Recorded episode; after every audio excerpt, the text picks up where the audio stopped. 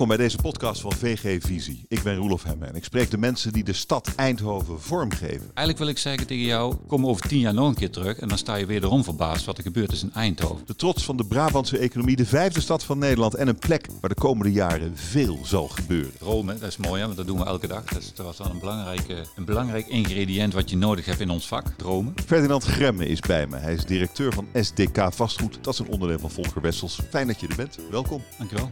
Wat vind je gaaf van Eindhoven? Gaaf van Eindhoven. Kijk, Eindhoven werd natuurlijk al sinds jaren en dag een beetje weggezet als het provinciestadje. Uh, ik vind dat Eindhoven te lang bezig geweest is om zich daar eigenlijk in uh, te verdedigen. Hè, om duidelijk te maken dat het hier anders is en dat het helemaal geen provinciestadje is. Ik vind dat ze dat stadium inmiddels ook al voorbij zijn. Hè. Ze, uh, ze zijn niet zozeer meer aan het concurreren binnen Nederland, maar ze zijn heel erg bezig hoe ze de stad in zijn geheel zeg maar, als toegevoegde waarde kunnen zien voor heel Nederland. Hè. En dan zie je wel uh, dat het lelijk eentje steeds meer zich gaat gedragen als zwaan. Dat zie je heel erg terug natuurlijk in die brainport-gedachte. Ik vind dat de stad Eindhoven heeft een van de weinige steden in Nederland, vind ik, die heeft een echt signatuur. Dus ze zeggen gewoon, wij zijn TDK, hè, wij zijn techniek, design en kennis. Het zijn hele belangrijke uh, woorden en definities waar de stad zich in de volle breedte zich op concentreert. Oh, en dat vind je gaaf? Ja, dat vind ik echt gaaf. En als, als knap stad. gewoon. En uh, uh, heb je, je hebt zelf denk ik ook wel een lange geschiedenis met de stad. Ja, ik ben uh, begonnen bij de Hollandse Betongroep. Dat was, die bestond toen nog, kun je nagaan. toen hadden we nog guldens, dus dat was in de tijdperk 1997. en toen ben ik vanuit de vestiging Rijswijk, want daar zat het hoofdkantoor, ben ik toen gestationeerd in Eindhoven.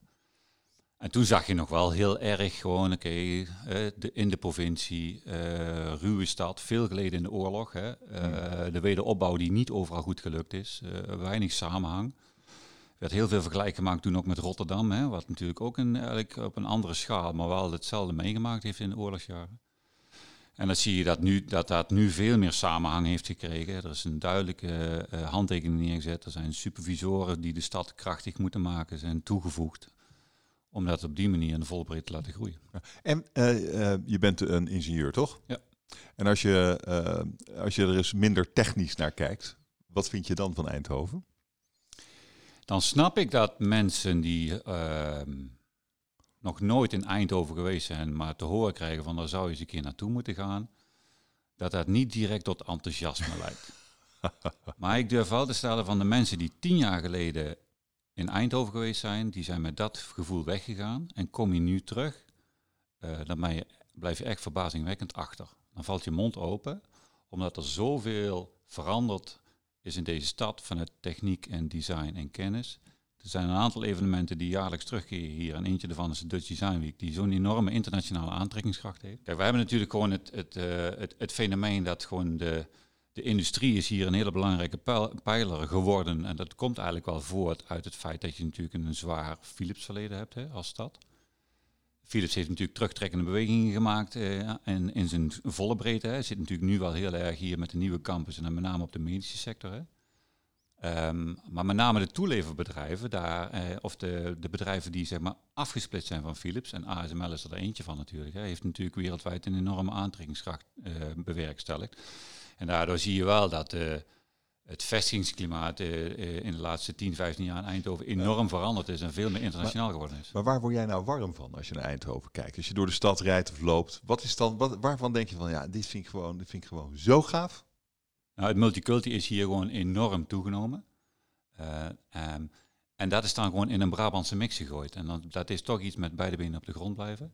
Hoe, de Brabantse mix, hoe ziet dat eruit? Nou, dus gewoon de, de Brabanders, zeg maar, die toch wel redelijk uh, benen in de klei heeft gehad altijd. Hè? En doe maar normaal, dan doe je al gek genoeg. Hè? Dus heel erg behoudend in, in, in al zijn hoedanigheden is geweest. Dat wordt nu vermengd zeg maar, met eigenlijk de, de internationalisering. Hè? Um, um, ik durf zo te stellen dat er meer dan 200 nationaliteiten actief zijn in deze stad. En die menging, die heeft wel iets teweeg gebracht. En pak ik gewoon een simpel voorbeeld. Als je kijkt naar de, de gesprekken die geweest zijn, ook wel vanuit de overheid. Hè. Het college heeft gesprekken gevoerd met de stad. Gewoon stadsgesprekken om daarvan mm. te praten over gevoelens of zaken die zich voordoen.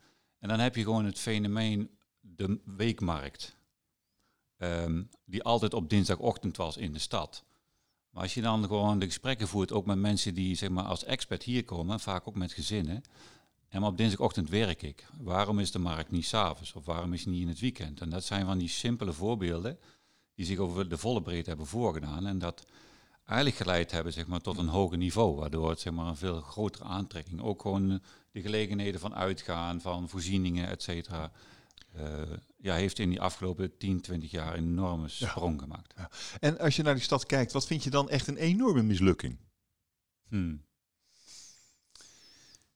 De mislukking vind ik misschien wel dat eh, het nog ontbreekt aan een, st- een, ik wil graag een strakkere visie die de stad zou moeten uitstralen. We- en dan kijk ik met name op stedenbouwkundig niveau en op vestigingsklimaat. Een strakkere uit. Wat, wat, wat is er nu niet strak? Ehm, wij hebben nu drie supervisoren in deze stad. Ehm, Kees Christiaanse, Winnie Maas en ehm, West 8. Ehm, Adriaan Geuze. En die hebben alle drie zeg maar, een deel toebedeeld gekregen van deze stad. En ik vind dat het college de verantwoordelijkheid draagt. Hè. Ehm, ehm, ondersteunt natuurlijk vanuit de gemeenteraad. Om die visie als een eenheid wel duidelijk neer te zetten. Ah, dat is interessant. Want hoe zie je dat dan, eh, hoe zie je dat dan van elkaar weglopen? Kun je eens een voorbeeld geven? Nou, uiteindelijk is, is, is iedereen natuurlijk bezig op zijn eigen postzegel. Het, het- dat deel van de stad. Eh, en die postzegels, daar moet wel een samenhang gaan krijgen. En daar heb je wel, vind ik, een heel duidelijk en sterk, krachtig college voor nodig, zeg maar, om dat als zodanig in de visie ook neer te zetten. Hmm. Dat die weg ook eh, eh, afgelopen wordt. Ik denk dat deze stad momenteel ehm, in alle positiviteit leidt aan groeipijnen. Ehm, en dat heeft natuurlijk te maken met de economische upswing die wij momenteel meemaken. En die, die merk je in een regio ehm, als de Brainport-regio Eindhoven, merk je dat heel erg. Hè. Wij, wij steken ook altijd met kop en schouders boven de economische groei in Nederland uit. Hè. Maar andersom is het ook. Hè. Dan, eh, als het eh, in een neergaande spiraal zit, dan zie je dat hier natuurlijk ook eh, doordreunen. En dat is wel een belangrijk aspect, dat ehm, eh, daar veel aandacht naartoe moet. Hè. We hebben natuurlijk een lange discussie achter de weg. Daar heeft trouwens de industrie ook wel zwaar haar schouders onder gezet in de lobby. Eh, om het niet meer te hebben over Brainport, maar, maar te hebben over een van de mainports in Nederland. Hè. We hadden het altijd in Nederland over eh, eh, Amsterdam en Rotterdam. Ehm, en dat zijn dan dus zeg maar twee mainports en daar is nu dan de regio Eindhoven aan toegevoegd. Dat houdt dus ook in dat er veel kapitaal deze kant op komt. Die gewoon noodzakelijk is, omdat als je een internationale aantrekkingskracht wil eh, continueren en wil uitbreiden, dan moet ook jouw vestigingsklimaat natuurlijk wel sterk toenemen. Oh, maar je had het over die, over die drie supervisoren en hoe dat de, tot, tot, een, tot onbalans leidt in hoe de stad eruit ziet, hoe de stad ontwikkeld wordt. Ja. Nou, je kunt namelijk, ik- kijk, ik ga niet eh, oordelen over het feit of de ene supervisor zijn werk wel goed doet en de andere niet. Waar het mij vooral om gaat is, je ziet nu dat deze stad op al die drie eh, locaties actief is. Dat, Ja. En dat bedoel ik met de groeipijnen. Dat wordt gedaan vanuit een apparaat. Wat zoveel is, want ik, eigenlijk wil ik zeggen tegen jou, kom over tien jaar nog een keer terug en dan sta je wederom verbaasd wat er gebeurd is in Eindhoven. Want als je alleen al de optelsom neemt van alle bouwvolumes en plannen die op de rol staan. Ik, eh, ik heb het eh, zelf eh, ben ik actief bezig met Strijp S. Dat loopt nog minimaal door tot 2030. Maar de, als je kijkt naar de visie van knooppunt XL van deze stad, dus dat is midden bij het Centraal Station, die begint pas vanaf 2030 in een realisatie te komen. Maar die volumes zijn allemaal zo enorm. Eh, het moet wel allemaal eh, verteerd worden en ook daadwerkelijk tot een realisatieniveau gebracht worden. Ja. En daar zit wel mijn zorg. Of dat allemaal nou, normaal gehaald kan worden. Nou ja, er zijn natuurlijk grote problemen. We, hebben nou ja, we zitten eigenlijk nog midden in die stikstofcrisis. We hebben eh, te, te weinig mensen om dingen te bouwen. Om maar eens een paar probleempjes te noemen. Maar het eerste vind ik geen probleem, het tweede vind ik wel een probleem. Ja, oké. Ik vind stikstof. ehm, ja, we moeten elkaar ook niet voor de gek houden. Eh, stikstof was, een, was een, eh, een uitwerking op Europees niveau die we zeven jaar geleden ook al wisten. Maar de lijn die we toen mochten kiezen en ook gekozen was, Hmm. dat natuurlijk vanuit compensatie heel veel projecten gewoon haar doorgaan konden vinden. Ehm, ik heb momenteel geen problemen Nee. met een stikstof-issue. Oké, maar goed, maar eh, te weinig mensen. Dat is natuurlijk wel een probleem. Uh, misschien, moeten we dat, misschien moeten we dat even parkeren, want dan komen we natuurlijk ook in de rol van de overheid. Daar wil ik straks met je over praten. Ik zou even door willen praten over de toekomst van uh, Eindhoven. Je zei dat je moet over tien jaar weer eens terugkomen. En je moet eigenlijk veel verder kijken. Jouw scope is ook tot 2030 en daarna. Um, dat is ons vak. Ja, hoe, um, hoe, hoe zie jij die toekomst? Wat zie je ontstaan? In deze stad? Uh, een verdere belangrijkheid, zeg maar, als het gaat om de plint. Uh, je ziet dat het, het, uh, de kwaliteit van wonen neemt natuurlijk hand over hand toe. Uh, daar is ook helemaal niks mis mee. Wordt deels ingegeven door regelgeving vanuit de overheid. Maar anderzijds ook, zeg maar, omdat wij natuurlijk qua economische ontwikkeling en welvaart steeds hoger op een, op een niveau komen te staan. Hè. Dus dat vertaalt zich automatisch ook in de kwaliteit van wonen. Wat ik wel zie is, zeg maar, als je kijkt naar de generaties en de generaties die zich nu aan het, aan het ontpoppen zijn en aan het ontplooien zijn. Dus ik zeg dan altijd even de generatie na mij. Hè. Uh, die hebben een andere uh, mening gevormd over wat wonen inhoudt. Als ik kijk naar mijn ouders en uh, vele uit die generatie, dan was het product wonen natuurlijk heel erg belangrijk. Hè. Um, um, en had zeg maar ook gewoon een belangrijke status meegekregen als zijnde bezit, wat weer doorgegeven zou moeten hmm. worden. Ik merk nu aan de generaties die eraan zitten komen, en daar zitten mijn kinderen ook in, uh, die zijn vooral bezig met het feit van ik moet een plek hebben waar ik gewoon mezelf goed kan terugtrekken, waar ik kan slapen en verder ben ik in de stad of in de wereld, zoals ik het altijd noem. Dus die plintfunctie, dat maaiveld, de openbare ruimte, de veiligheid die het met zich meebrengt, de, de voorzieningen die daarin aanwezig zijn, het, ontmoet, het ontmoeten van vrienden en kennissen, uh, uh, het kunnen bijwonen van uh, evenementen in de brede zin, et cetera. Dat wordt steeds belangrijker en daar zit vooral onze aandacht.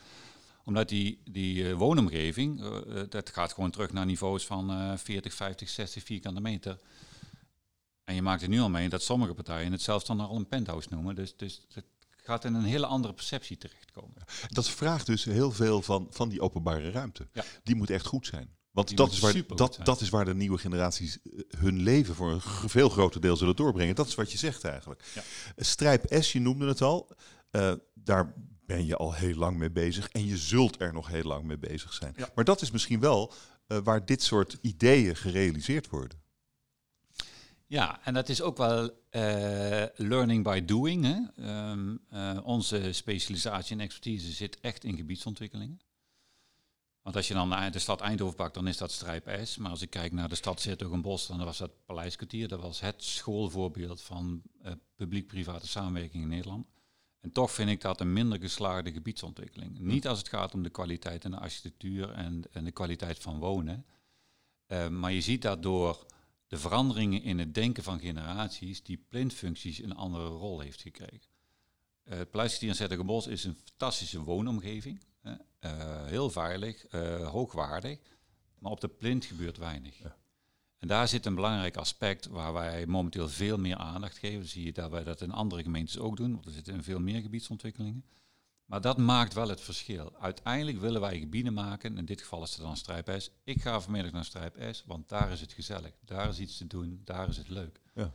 En dat willen wij bereiken. Maar de, uh, dat lukt toch aardig? Ja, leuk, leuk, leuk super Wat, wat, wat zou je daar, wat, weet je, als je tot 2030 daar nog bezig zult zijn, wat wil je dan nog toevoegen? Wat is er, wat is er nu nog niet? Of wat is er nu waar je niet tevreden over bent? Uh, sowieso dat wij de ambitie hebben uh, die, zo, die we zodanig neerzetten dat het altijd beter kan. Okay.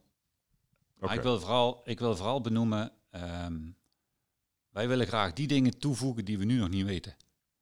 Uh, want dat is wel gebiedsontwikkeling. Wij zijn begonnen in 2001 op strijp S. Ja. En op 11 september 2001 moesten er handtekeningen gezet worden. En toen verging de wereld even. Want toen waren er allerlei vliegtuigen die in het World Trade Center in Amerika vlogen. En toch neem je dan als Volker het besluit, zeg maar, uh, uh, omdat je geloof hebt in, in die opgave en in die uitrol. Wil je heel goed gebiedsontwikkeling kunnen uitvoeren, dan moet je sowieso de overtuiging hebben, het lef, Tuurlijk de middelen, dat snap ik. Ehm, maar als wij alles zouden weten over dat gebied, dan zou het nooit tot een, uh, een goede gebiedsontwikkeling gaan komen. Dus wij zijn ook in de overtuiging dat wij dit met alles wat we meemaken. Kijk, laat we eerlijk zijn, in 2001, toen wij de handtekening zetten, toen had niemand het in zijn mond durven nemen dat er in 2008, 2009 gewoon een wereldcrisis zou ontstaan die vergelijkbaar was met de jaren 30. Uh, die zit ook helemaal niet in het rekenmodel, maar je moet wel kunnen anticiperen op datgene wat zich voordoet. Ik durf zelfs te stellen dat Strijp S geholpen is bij de crisis die we hebben meegemaakt, omdat daardoor een tijdelijk vestigingsklimaat is ontstaan, door al haar gebouwen die er al op uh, aanwezig waren, waardoor je een milieu creëert dat moment al bleek dat het gewoon leuk was om naar Strijp te gaan. Want er was een tijdelijk restaurantje, er waren tijdelijke evenementen, et cetera. En dan ontstaat dan iets waardoor het interessant gemaakt wordt. En, en dat heb je niet kunnen zien aankomen in 2001. Dat, dat bedoel je. Maar, uh, en toen waren er ook, denk ik, nog geen millennials. Ja, die waren net geboren, maar die heten toen nog niet zo. Uh, dus uh, dat is, de, hoe creëer je de mogelijkheid om te anticiperen op dingen die je nog niet kent? Ja, maar dat zit vooral in de flexibiliteit die je gewoon moet borgen. En daar beginnen we ook altijd mee. Hoe doe je dat? Nou, de, uh, sowieso in de afspraken die je maakt met de overheid. Um, en dat is een pluim richting de gemeente Eindhoven, dat die, die bereidheid, en die tref je niet in elke gemeente aan, die bereidheid is er, zeg maar, om ook in die flexibiliteit te denken. Het was ook de gemeente Eindhoven die toen nog niet in beeld was, maar in, uh, na gunning van de prijsvraag ook gewoon de schouders ermee onder heeft willen zetten die het ook heeft geprioriteerd zeg maar, binnen, hmm. binnen de stad als uh, uh, de belangrijkste locatie die tot wasdom moet komen. Maar die, maar die flexibiliteit hè, waar je het over hebt. Ja. Ik moet kunnen reageren op wat ik nu nog niet weet. Ja. Hoe borg je die flexibiliteit? Um, dat is best lastig, denk ik, in zoiets groots. En, ja, want uh, je kunt dat niet opschrijven. Nee. wat dat exact inhoudt. Je kunt alleen maar terugvallen op de kwaliteit en de betrouwbaarheid van de stakeholders. En één daarvan is de overheid. En in deze stad lukt dat heel goed. En hebben we dan nooit discussie? We hebben heel veel discussie. Maar wel vooral bedoeld zeg maar, vanuit een respectheid naar elkaar toe. En altijd bereid om tot een oplossing te komen. Kun je een voorbeeld geven van het borgen van flexibiliteit, waar je dan over discussieert, waardoor er komen natuurlijk misschien andere belangen in de knel. Uh, geef eens zo'n voorbeeld waar je dan over in discussie bent. Nou, we hebben keuzes gemaakt dat wij nu gebouwen gaan realiseren met een wooncomponent erin op, op een werklocatie. Hm. Wat wij nooit zouden doen, maar wij zien nu zeg maar in het, het bedienen van de nieuwe markt. Hè, wij hebben heel veel start-up bedrijven op, op Strijpijs, van meer dan 500. Maar je moet niet je hele leven start-up bedrijf blijven, want dan is er iets niet goed gegaan. Je moet wel van start-up naar follow-up kunnen gaan. Dus je moet groei kunnen doormaken. En wij willen graag faciliteren. Dat je ook gewoon in dat vestigingsklimaat van Strijp S kunt blijven. Maar dan op een plek die meer past bij jouw nieuwe maat en schaal. Dus dat je groter bent. Je bent ook in de gelegenheid om meer huur te kunnen betalen, wat je eerst niet kon. En dat, dat, dat concept uh, zijn we nu aan het toepassen en aan het bedienen. Dat houdt dus in dat je extra meters daar toepast. Maar houdt dus ook in dat je op een andere plek meters moet loslaten. Die bereidheid moet er dan ook zijn. Dus, dus, en daar schuif je mee met elkaar. Daar ben je over in gesprek. Daar is zelfs een board of inspiration voor opgericht. Heel klef woord zou ik bijna zeggen. Maar wel bedoeld, eh, want wij zijn er niet alleen. Hè. We hebben twee corporaties, uh, uh, Stichting Trudeau en het woonbedrijf, samen met de gemeente, wij als Volker Wessels. een grondextatie die aangestuurd wordt vanuit een parkstrijdbeheer. Ja, dat, dat gremium komt regelmatig bij elkaar om over dit soort issues te praten en keuzes te maken. Um, Oké, okay. Heb je, heb je een beeld van, uh, van 2030? Uh, uh, als je zegt van ja, ik weet van alles nog niet. Nee, natuurlijk niet. Maar wat is, waar, waar droom je dan van als je dat relateert aan Strijp S? Nou, uh, dromen, dat is mooi, hè, want dat doen we elke dag. Dat is, dat was wel een, belangrijke, een belangrijk ingrediënt wat je nodig hebt in ons vak. Ja. Uh, dromen. Die trouwens niet altijd uitkomen. Hè. Uh, we schetsen nu 2030. Ik denk dat we dan nog niet klaar zijn. Um, misschien wil ik dan ook nog niet helemaal klaar zijn, want ik wil gewoon de maximale tijd nemen zeg maar, om te kunnen anticiperen op veranderingen in de markt. Uh, want Strijp S heeft natuurlijk wel gewoon, moet financieel ook allemaal kloppen. Hè? Uh, laten we eerlijk zijn, uiteindelijk is dat wel de business waar wij dagdagelijks mee bezig zijn. Dus dat is natuurlijk wel een basisuitgangspunt waar, waarmee je afspraken gemaakt hebt met jouw stakeholders. Uh, maar ik, wil wel, ik hoop wel echt dat we dan geslaagd zijn in het feit dat, dat dat we regelmatig kunnen horen bij mensen, bij consumenten, bij mensen die naar Eindhoven toe komen, ehm, of zelfs vanuit het buitenland naar Eindhoven toe komen, van oké, okay, ehm, we moeten naar Strijp toe, want daar is het leuk, daar is altijd wat te doen. En Strijp is momenteel heel goed bezig maar is nog wel heel erg in de pieken en de dalen.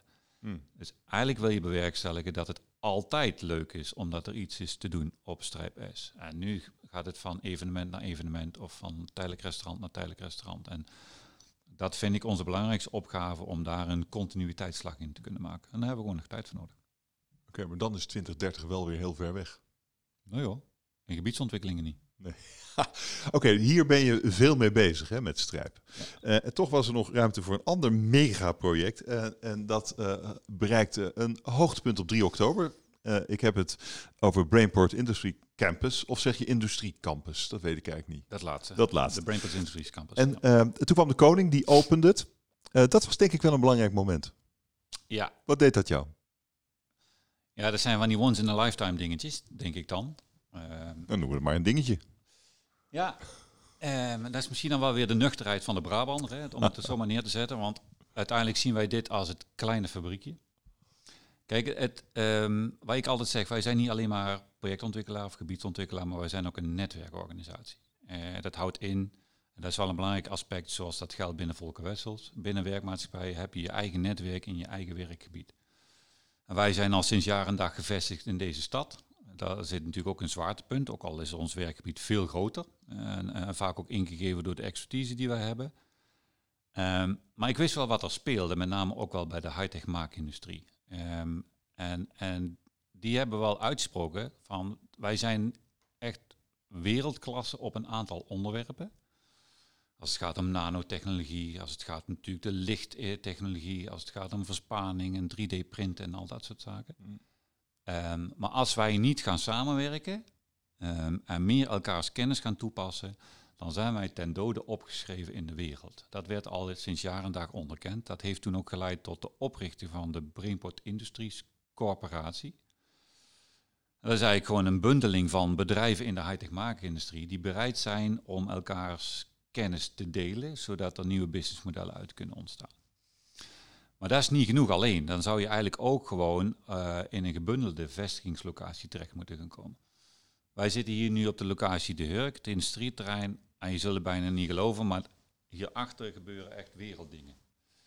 Alleen jij ziet alleen maar suffe doosjes. Uh. met geen uitstraling. Vaak uh, uh, techniek die vanuit een zogenaamd paperclip idee ontstaan is. Want zo noem ik het altijd. Het is heel simpel begonnen, maar het bleek toen toch wel echt heel waardevol te zijn. Um, en dat, dat moet je meer gaan bundelen, maar dan moet je ook gaan interessant gaan maken voor opleidingsniveaus. Want maak mij anders maar eens wijs dat je als student, je, komt net, je zit op de middelbare school of zo, of je hebt net HAVO, MAVO, VWO uh, trajecten gaan, of VMBO moet ik tegenwoordig zeggen.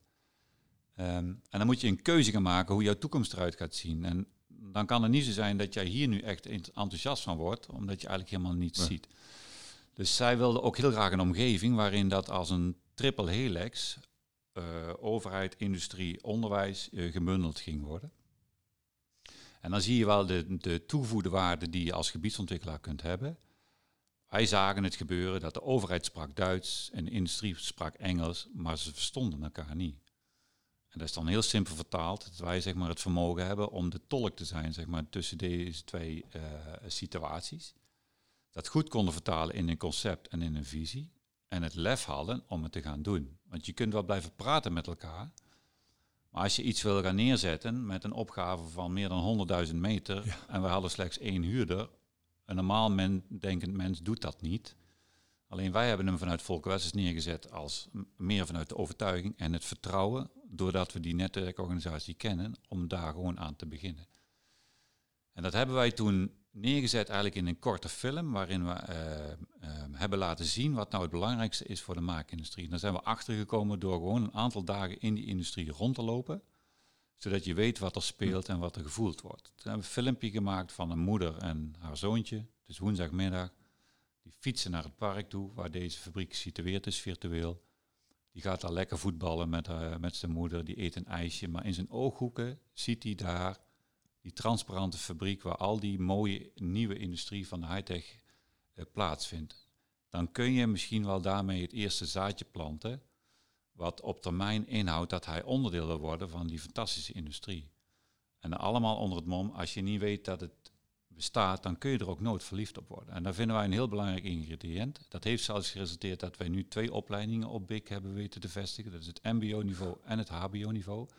En je ziet nu gewoon dat die studenten die worden al opgeleid tot wereldklasse, want die kunnen met de, laagste, de laatste eh, nieuwe machines uh, de praktijkervaring opdoen.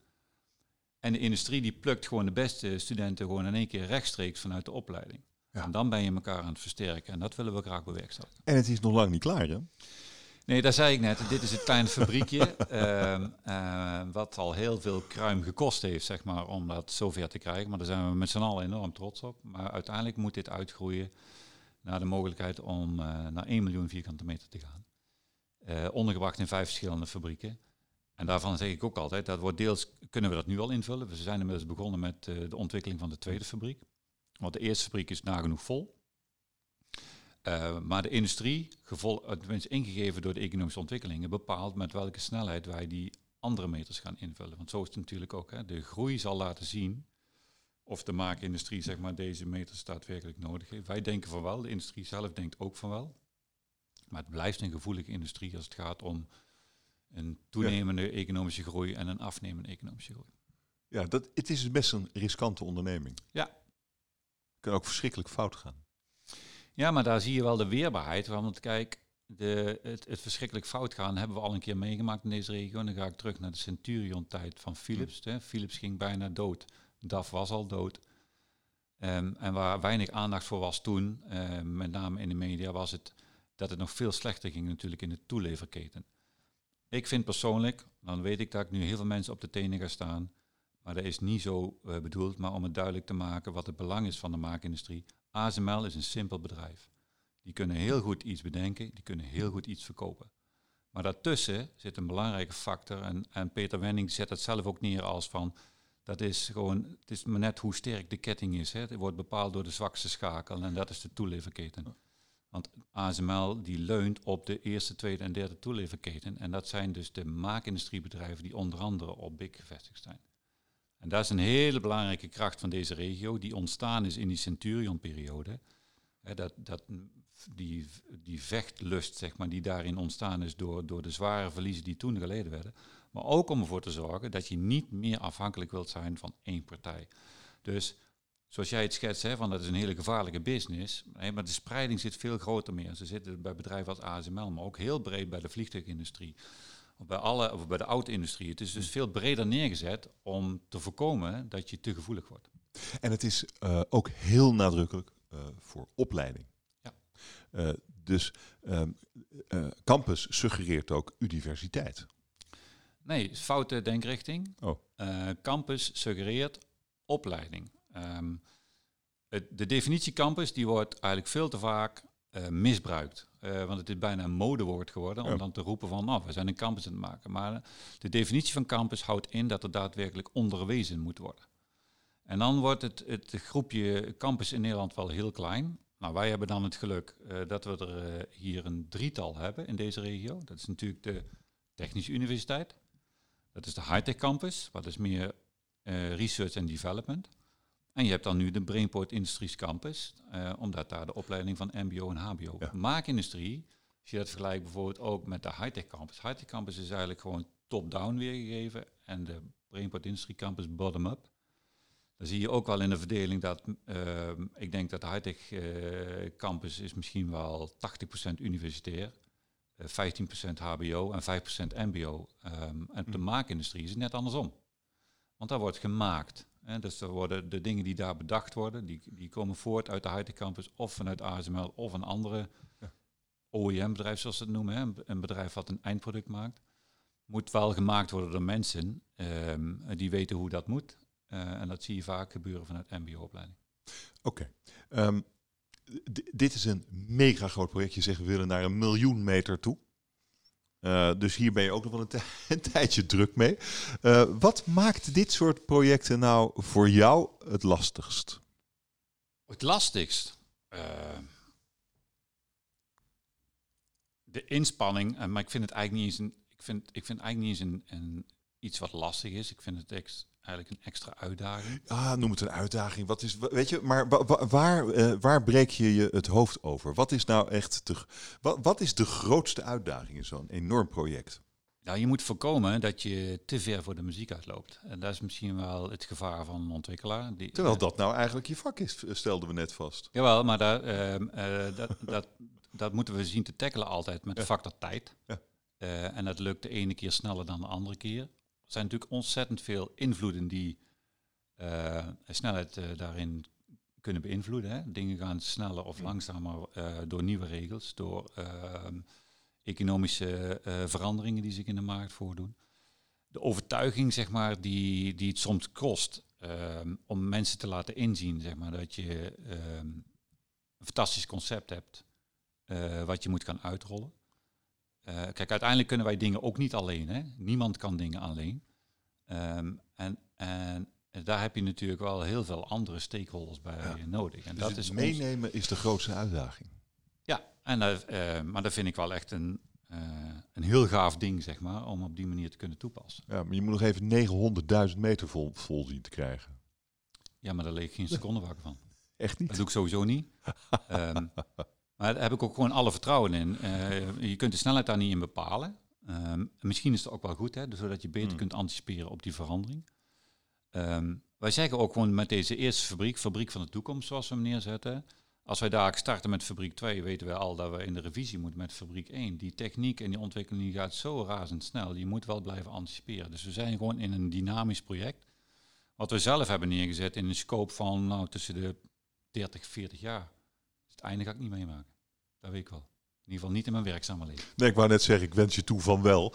Ehm, eh, we, we hadden het eerder in ons gesprek al even over eh, al die stakeholders die hier een rol spelen. En dat niet iedereen altijd even efficiënt eh, zijn bijdrage levert misschien. Dan gaat het al vaak heel snel over de overheid. Ja.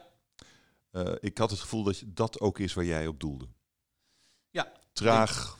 Deze stad heeft groeipijn, hè, ja. wat ik al zei. Ja. Groeipijn in de zin van dat het, ehm, het... Moet allemaal wel verwerkt worden. Het moet ook allemaal verwerkt worden in vergunningen, in aandacht vanuit de overheid. Je ziet dat daar nog best wel veel belemmeringen zitten zeg maar, om dat apparaat eventjes snel uit te breiden. Eh, misschien is er wel de wens om dat uit te breiden, maar we hebben ook nog wel te maken met een arbeidsmarkt die heel krap is.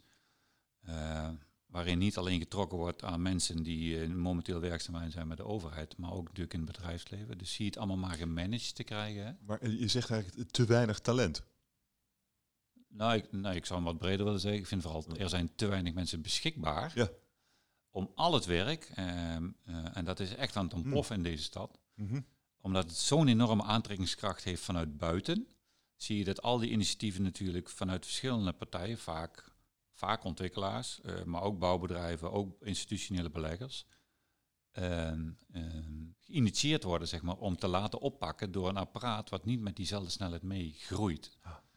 En ik weet niet of dat houdt, inhoudt zeg maar, dat er eh, geen middelen voor beschikbaar zijn, of dat er gewoon eh, en dus geen ruimte is zeg maar, om extra mensen aan te nemen. Ik, ik weet dat ze daar wel volop mee bezig zijn, maar de vraag is of je de snelheid van de markt kunt volgen. En dat denk ik niet. En wat is dan de oplossing? Rust bewaren. Ja, dat is altijd goed. Nou, maar ehm, als je je laat verleiden zeg maar, om iedereen te blijven bedienen, ehm, om maar proberen door te gaan, dan gaan er Spaanders vallen. Daar ben ik van overtuigd. Dus ik vind dat deze stad wel keuzes moet maken. Waar ga je je dan op concentreren om wel zeg maar, die goede kwaliteit en dat onderscheid te kunnen blijven leveren? En Maar dat doet ze nog te weinig, vind ik. Ja, ja maar, maar dat is natuurlijk ook moeilijk als je te weinig mensen hebt. Ja, oké. Dus je- hoe kan je dat dan beter Daar doen? ben je bestuurder voor. Ja. Dan moet je dat doen. Dat hoort gewoon bij je verantwoordelijkheid en bij je opgave. Eh, dus ondanks een, eh, een gebrek aan goede mensen, aan mensen überhaupt, eh, zou je... Je vraagt eigenlijk meer lef van bestuurders. Ja, die moeten, die moeten daar denk ik wel Hmm. veel harder aan de bel trekken. welke kansen op willen gaan en, en hoe ze dat geplooid denken te krijgen. Eh, want, nou ja, want eigenlijk doen projectontwikkelaars en bouw, die doen het nu zelf eigenlijk in, in grote mate. Nou, je ziet wel, Hoe gaat dat en dat is niet specifiek Eindhoven, maar om het toch te beperken tot deze stad. Kijk, de overheid heeft steeds meer een faciliterende Ja. rol gekregen. Eh, dat houdt in, en daar ben ik een groot voorstander van trouwens. Ehm, wij eh, willen graag een initiatief, een concept, een visie uitrollen. Dat wordt omarmd zeg maar, vanuit bestuur, vanuit het eh, ambtelijk apparaat. dan moeten wij zorgen zeg maar, dat het ook gewoon daadwerkelijk in de volle breedte wordt uitgewerkt. En de gemeente moet een toetsende rol daarin hanteren. Dus voldoen wij aan de regels, voldoen wij aan de eisen, uh, voldoen wij aan het traject van vergunning, et cetera. Ehm, en dan zie je dat ook al uh, wordt dat omarmd uh, en is het zelfs een, een collegeafspraak, dan is het nog niet helemaal doorgecijpeld tot aan beneden. Um, en, en, daar vind ik wel een opgave liggen voor het college, om dat nog stringenter van boven naar beneden te laten doorcijpelen, dat dat de taak en de rol is van de ambtelijke overheid als het gaat om uh, onderwerpen, als het gaat om projecten, om op die manier te toetsen. Hoe heb jij er last van? Uh, dat dingen langer duren dan ik zou willen. En dan hoeveel, het wel, hoeveel langer? Geef ze, kun je ze een voorbeeld geven? Ehm, met alle gemak durf ik te stellen dat projecten eh, zoals ik die nu ondervind eh, met minimaal een jaar uitlopen. En dat komt dan eigenlijk door onvoldoende daadkracht, onvoldoende duidelijkheid in de hele organisatie van de doelen van de organisatie. Is dat? Nou, ik vind, uh, jij stelt het zijn onvoldoende daadkracht. Ja, dan dat klinkt weer zo. Nou, meer vragend. Ja. Het is, kijk, het is gewoon, je ziet, uh, er zitten niet meer uren dan 24 in een dag. En op basis daarvan zie je dat deze gemeente momenteel heel erg zeg maar, aan het verdelen is. Om het allemaal maar aan de gang te houden. Er zijn best veel tenders uitgeschreven door deze stad en inmiddels ook al toegewezen aan partijen. Ehm, en dan zie je zeg maar, dat gewoon de, de ambitie nog niet overal uh, gelijk loopt met daadwerkelijke beleid wat wordt uitgedragen door deze stad. De beleidsregels, de documenten, et cetera. En daar zie je dat er dus nu heel veel aanpassing moet plaatsvinden op die documenten. Pak, alleen maar pak nou alleen maar de hoogbouwnota zoals de stad Eindhoven die kent. Degene die er ligt, die, die druist eh, tegen alles in. Als je kijkt naar de plannen die momenteel in deze stad gerealiseerd worden. Ook een tenders die de stad zelf heeft uitgeschreven. Uh, wij zijn er gelukkig van uh, het winnen van een tender in de binnenstad. Komt er weer een toren bij van 70 meter. Being heeft twee weken geleden een grote tender gewonnen. Amvest heeft hier midden in de stad bij het station komen, komen torens van 180 meter. Maar als je kijkt naar de hoogbouwnoten zoals die er ligt van een aantal jaar geleden, toen hadden we het nog over maximaal 100. Dus snap je, dus dat bedoel ik met die groeipijn. Dat beleid moet aangepast worden eigenlijk op de snelheid die momenteel deze stad doormaakt in, hen, in haar ambitie. En, en dat heeft tijd nodig, dat heeft dus ook keuzes maken nodig. En dat zou ik wel willen adviseren dat ze dat nog meer moet doen. Met, uh, je zou dat met heel veel nadruk willen adviseren, zie ik aan je gezicht. Ja. ja. Als, je dat, als je dat tegen college zegt, uh, dan kan ik me voorstellen dat ze zeggen, ja meneer Gemmer, we doen ons uh, uiterste best. Dat zeggen ze ook. We zijn ermee bezig. Um... Maar daar krijg je niet heel veel vertrouwen van. Als, je, als jij dan zegt, ja maar mijn projecten lopen een jaar uit, ik heb hier last van en iedereen heeft er last van. Dat klopt. Um, dus ik denk, ik denk dat daar ook wel een helft job ligt bij mm. deze overheid. Trouwens, dat, dat zie ik gewoon in Nederland breed. Zou je het zelf niet leuk vinden? Nee, nee, nee. Ik kan het geen dag volhouden daar. Nee. nee. Maar dat is niet, dat is niet zeg maar, omdat um, je, je hebt gewoon met andere snelheden te maken. Je hebt een andere materie te maken. Um, ik zit gewoon in een vak waarvan ik zeg, daar ben ik voor geboren. Ik wil gewoon met een wit vel beginnen. Gewoon ergens iets zien uh, waardoor eigenlijk in één keer een idee ontpopt. En ja, ik vertaal het altijd op die manier. Kijk, wij hebben niet het, niet het vermogen om het allemaal netjes op papier te zetten of op een, in een project uh, uh, als een artist impression neer te zetten. Dat is voor ons de reden dat wij vaak een architect in de arm nemen of een adviseur. Maar het begint wel bij de projectontwikkelaar. Daar moet de creativiteit ontstaan, daar moet de vertaling van haalbaarheid ontstaan. En daar is ons vak. Um, en daar adem ik. Um, en dus daar voel ik me dan ook zo lang bij dan moet je me niet aan de andere kant van de hmm. tafel gaan zetten, want dat gaat niet werken. Denk je dat je ooit uh, uitgekeken raakt op Eindhoven? Nee. Wat is je volgende grote project? Is er nog een beetje plek eigenlijk? Deze stad, nou. nee, deze, voor, in, in, jouw agenda. Oh ja, daar wordt nog wel een dingetje. Um, uh, deze stad, uh, ik krijg nog wel eens een keer de opmerking terug, ook vanuit de overheid, maar ook vanuit het bedrijfsleven, van nou, nou, nou, jullie doen wel heel veel in deze stad. Ja, dat klopt. Um, en ik vind dat wij daar eens een keer wat verdienstelijker in opgesteld moeten worden. En het heeft vooral te maken met het feit, toen de crisis ontstond, uh, uh, keerde eigenlijk heel Nederland, uh, buiten deze stad, eh, de stad zelf de rug toe. Dus grote ondernemingen, ontwikkelaars, bouwbedrijven, die trokken zich allemaal terug, met name ook wel richting de Randstad. Wij niet, omdat wij een netwerkorganisatie zijn en vanuit werkenmaatschappijen gevestigd zijn in de regio, hebben toen ook met de stad de handschoen opgepakt om bepaalde posities uh, tot ons te nemen, aan te kopen en van daaruit een ontwikkeling te beginnen. En die zie je nu tot wasdom komen, die zie je nu uitgerold worden en gerealiseerd worden. Dus ik vind dat wel echt een verdienste hè, dat je uh, toen ook je nek hebt willen uitsteken. Uh, dan moet je dan nu niet vertalen als bedrijfsleven van nou, nou, jullie zijn wel heel actief aanwezig. Het, het, lijkt wel of dat een 1 2 is met de overheid. Nou, verre van dat zelfs hoor. Um, en dat is natuurlijk gewoon wel typisch ons, waarbij ik dan wel zeg, dat is vooral mijn belangrijkste opgave. Je moet natuurlijk oppassen dat je niet in een cannibaliseren situatie terecht gaat komen. Dat je zoveel projecten actief hebt in deze stad. Uiteindelijk kun je een woning maar één keer verkopen. Uiteindelijk is er maar een klant die één woning of één bedrijf of wat dan ook uh, zichzelf kan laten vestigen. En die keuze maken we wel heel erg, zeg maar, waar wij aan tenders wel willen meedoen en aan tenders waar we niet aan mee willen doen. In Eindhoven hebben we er nu een aantal gewonnen. We hebben ook bewust gekozen om een aantal tenders gewoon echt niet mee te doen, omdat wij vinden dat die te veel met elkaar overeenkomen. En wij dus zeg maar niet de, de meerwaarde uh, kunnen realiseren naar ons eigen project doen. Dus het risico alleen maar vergroten. Dat willen we ook niet. Dus even op je handen zitten eigenlijk. Ja, maar uh, um, als je kijkt naar de portefeuille die we hier nog moeten invullen, die reikt nog wel veel verder dan 2030 dus. heel lang zitten, dat gaat niet gebeuren. Ik wens je er heel veel plezier en succes mee. Dankjewel voor dit gesprek. Dankjewel.